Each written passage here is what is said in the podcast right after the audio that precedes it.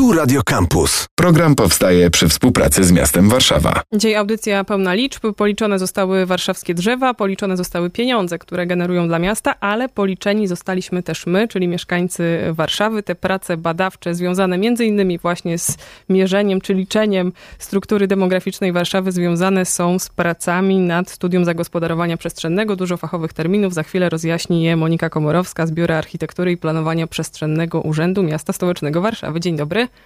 Dzień dobry. Moglibyśmy zrobić dzisiaj konkurs w programie na coraz dłuższe wizytówki naszych gościń, które się tu pojawiają. E, na razie prowadzi Monika Komorowska, ale nie o e, stanowiskach i nazwach będziemy mówić, ale właśnie o strukturze demograficznej e, Warszawy. Ilu nas jest, a ilu będzie, to jest jeden z kilku raportów, które ukazują się podczas gdy Państwo pracujecie nad studium zagospodarowania przestrzennego. Mówi się, że to jest taka konstytucja dla miasta. Kto zerknie do raportów, ten przekona się, ile też pracy badawczej włożone jest w to, żeby do przygotowania tego studium się przygotować. Dlaczego to jest tak y, ważny dokument i te prace trwają tak długo? To jest dokument, który określi na wiele lat, jak Warszawa będzie się rozwijała, w jakim mieście będziemy żyć. I to nie tylko ma wymiar przestrzenny, bo to nie tylko moja wizytówka jest długa, ale też nazwa tego dokumentu, bo to jest studium uwarunkowań i kierunków rozwoju przestrzennego miasta stołecznego Warszawy. Ale właśnie nie, nie o samą y, przestrzeń chodzi, chodzi, tylko właśnie o jakość naszego życia, o, o, dostęp do najbardziej potrzebnych e, usług, o to, jak się po mieście poruszamy i to, co na razie z naszych prac wynika najbardziej, właśnie o środowisko naszego życia. To, że chcemy myśleć o tym nowym, e, nowym, nie nowym, no naszym mieście, o Warszawie, jako spójnym ekosystemie, nie o jakimś abstrakcyjnym dokumencie, który narysuje granice tego, gdzie będzie można budować, gdzie nie będzie można budować, ale który właśnie patrzy na miasto wielowymiarowo.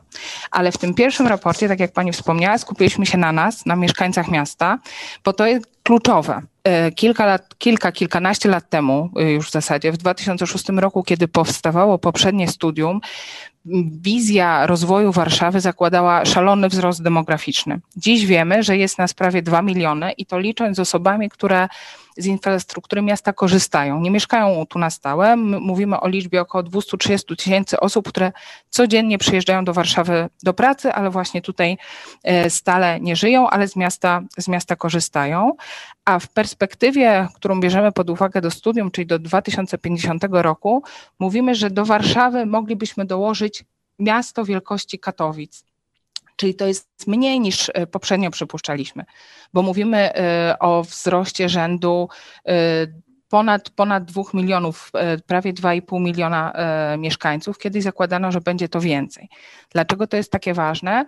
Bo dla tych mieszkańców, wybiegając w przyszłość, planujemy rozwój miasta. I dziś mówimy, że nie będziemy zarządzać tym nowym studium, zgodnie z tym nowym studium, e, wzrostem e, przestrzennym Warszawy, będziemy zarządzać jakością życia mieszkańców. Właśnie staramy się skupić w tym dokumencie na tym, żeby nam wszystkim e, w przyszłości żyło się w Warszawie po prostu wygodniej i też, żebyśmy byli w naszym mieście zdrowi. To 2 miliony 225 tysięcy, które przewidujecie Państwo w 2050 roku, jeśli chodzi o liczbę mieszkańców Warszawy. E, to jest e, liczba moim zdaniem zaskakująco, no nie jest to mała liczba, ale można by się spodziewać chyba większych e, napływów, większej liczby ludzi, która, która zmierza do Warszawy. Jakby, czy wyczuwalne jest pewne spowolnienie w tej tendencji tego napływu ludności?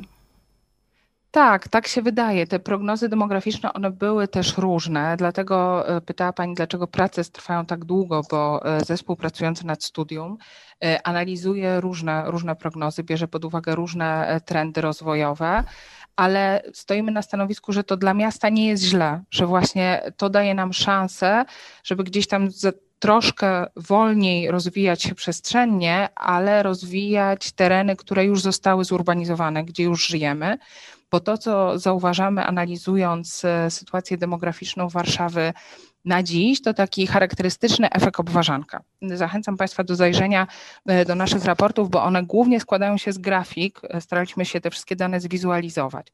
Czyli widzimy, że centrum miasta, które jest najlepiej obsłużone, jeśli chodzi o dostęp do, do żłobków, do przedszkoli, do szkół, do, do miejsc pracy, tak, do, do sklepów, do też do zielonej infrastruktury, do parków, do terenów rekreacyjnych, ono systematycznie od lat wyludnia się. Nie tylko mieszkańcy opuszczają te centralne dzielnice, to też nie rodzą się dzieci, że now, nowsze dzielnice, dalej położone od centrum, że one rozwijają się najbardziej intensywnie. No na to składa się pewnie szereg czynników. Y, myślę, że jednym z najbardziej istotnych jest cena mieszkań, które są dostępne w dzielnicach dalej położonych od centrum. One są po prostu bardziej przystępne dla ludzi, którzy zaczynają y, swoją y, drogę do, do samodzielności.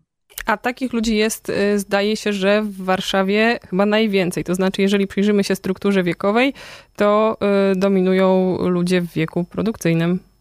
Tak, jest to e, niewiele, no prawie 42% e, mieszkańców Warszawy. Tak, możemy powiedzieć, że na dziś jesteśmy generalnie miastem młodym, tak? Bo to e, jeśli dodamy też ten wiek przedprodukcyjny, czyli dzieci i młodzież, no to jest no niemalże 60% społeczności naszego miasta. Na dziś seniorzy to jedna piąta mieszkańców, ale wiemy, że myśląc o przyszłości Warszawy, musimy coraz bardziej szczegółowo i, i wiele namysłu poświęcać seniorom, e, bo ta liczba e, wzrośnie. Tak jak teraz to jest jedna piąta, to będzie docelowo gdzieś tam szacuje się jedna czwarta społeczności Warszawy. A na dziś, jeśli tutaj też w tym raporcie mamy zmapowany dostęp do usług ważnych dla seniorów, i ich jest relatywnie mało, tak? Prace nad studium, one trwają też długo i są też niesamowicie ciekawe, bo pozwalają na taką refleksję nad tym, jak się zmienia miasto, jak będzie się zmieniało bo e, jak zmapowaliśmy te usługi, to też zdaliśmy sobie sprawę, że w ogóle nie chcielibyśmy takiego modelu długofalowo wdrażać. Nie chcielibyśmy, żeby były to punkty na mapie obsługujące seniorów, tylko żeby w ogóle gdzieś myśleć o o Warszawie jako mieście takim swojej lokalności e, przyjaznym osobom starszym, tak? To będzie właśnie, nas będzie, starszych warszawiaków będzie coraz więcej i nie chcielibyśmy myśleć jako o takich systemach pomocowych, że gdzieś jest jakiś ośrodek, tak? Chcielibyśmy jak najbardziej rozwijać taki model sąsiedzki, że blisko domu mamy też społeczność, która, która jest w stanie nas w razie jakichś e, kryzysów, czy, czy, czy zdrowotnych, czy, czy związanych z naszą sytuacją materialną e, wspierać. Także e, taki raport jeszcze przed nami, gdzie będziemy analizować właśnie to, czy w Warszawie się żyje lokalnie, e, wygodnie, ale na pewno jest to takie nasze dążenie w pracach nad tym nowym dokumentem, żeby, żeby tak było. Naszym gościem jest Monika Komorowska z Biura Architektury i Planowania Przestrzennego Urzędu Miasta. Zagłębiamy się trochę w ten raport, podrzucamy rozmaite statystyki, próbując i też może rzeczywiście dowiadując się czegoś nowego o sobie, jako o mieszkańcach y, Warszawy.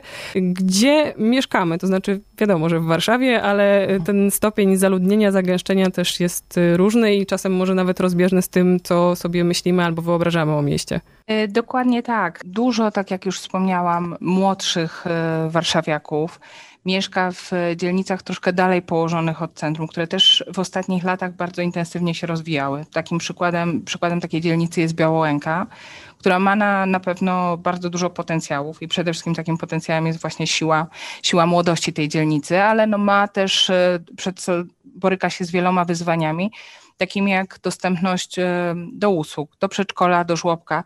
E, do Tam lekarzy. często do lekarzy. Tam często mieszkańcy muszą korzystać e, z oferty prywatnej. Też nie jest to e, przeszkodą w, we wsparciu miasta w dostępie do tych usług, ponieważ mamy cały duży program wykupywania miejsc w żłobkach prywatnych, które koszt pokrycia tych miejsc jest dla miasta bardziej przystępny niż budowa nowych żłobków. Także na dziś wszyscy mali warszawiacy, którzy chcą do żłobka chodzić, a nawet pewnie których do tego żłobka chcą wysłać rodzice, mają taką szansę. Tylko, że tam właśnie w, te, w tego typu dzielnicach, czy Białołęka, czy Wilanów, czy mówimy młodsze, młodsze, młodsze dzielnice, to częściej ta oferta jest tworzona przez, e, przez po prostu przez sektor prywatny, tak? To, co, do czego chcemy dążyć, to tworzenie takiego miasta wielofunkcyjnego, gdzie właśnie miejsca zamieszkania będą przemieszane też z miejscami pracy, bo na dziś, to o tym też piszemy w raporcie, jest bardzo duże skupienie miejsc pracy w centrum. Tak? To, co, co wiąże się z tym, że z tej Białęki codziennie mieszkańcy muszą do pracy dojeżdżać, jeśli pracują w centrum lub do innej dzielnicy, często przecinając centrum. Zależy nam na tym, żeby szukać jak najbardziej efektywnego takiego modelu, nie tylko komunikacji, jeśli chodzi o transport, ale też takiego wygodnego modelu życia, żeby po prostu nie marnować czasu na dojazdy dalekie, które wiążą się też oczywiście z, z korkami i z zanieczyszczeniem powietrza w mieście. Także będziemy szukać właśnie e, takiego sposobu w studium, żeby blisko domu była i praca, i kultura, i tereny zieleni, rekreacji, i właśnie i usług. Czy mamy jakiś taki e, idealny zakątek Warszawy, gdzie te wszystkie mhm. proporcje dostępności e, skłaniają się na korzyść mieszkańców danego obszaru? Myślę, że takimi przykładami mogą być takie ukształtowane dzielnice, które mają też taką wykształconą tkankę miejską, są zaplanowane urbanistycznie. No, myślę, że to dzielnice, które generalnie są lubiane, gdzie też wskaźnikiem tej sympatii mieszkańców i chęci y, osiedlania się są ceny mieszkań. Myślę, że takim, taką dzielnicą jest Żoliborz, taką y, dzielnicą jest też Mokotów które no, no gdzieś tam ukształtowały się w, w czasie w taki sposób, że właśnie i ta szkoła, i skwer zielony, i sklep, i kawiarnia, tak, że to jest, że to jest wszystko, wszystko blisko domu. My też w kolejnych raportach analizujemy różne fragmenty miasta pod kątem zabudowy, ale faktycznie no gdzieś, jeżeli dla mnie miałabym podać takie miejsca, e, e, to na pewno właśnie byłoby to fragmenty czy Starego Mokotowa, czy, czy, czy, czy tereny Starego Żoliborza, które się po prostu, człowiek tam się też dobrze czuje, tak? I, I o to też by nam chodziło, żeby miasto rozwijało się harmonijnie i żeby będąc w przestrzeni, żebyśmy nie mówili abstrakcyjnie o architekturze, o urbanistyce, tylko o takim dobrym czuciu się w mieście po prostu. Te raporty powstają. Y, będziemy też o nich szczegółowo opowiadać y, w kolejnych stacjach Warszawa na antenie Radia Campus. Dzisiaj skupialiśmy się na demografii. Komu za mało liczb i danych statystycznych chciałby spojrzeć na mapie i przemyśleć, czy zlokalizował się w dobrej dzielnicy Warszawy. Można to zrobić. Raport, o którym mówiłyśmy, nazywa się Ilu nas jest, a ilu będzie. Jest dostępny na stronach Urzędu Miasta. Monika Komorowska dzisiaj go dla nas odrobinę streszczała z Biura Architektury i Planowania Przestrzennego. Bardzo dziękuję. Bardzo serdecznie dziękuję. Program powstaje przy współpracy z miastem Warszawa.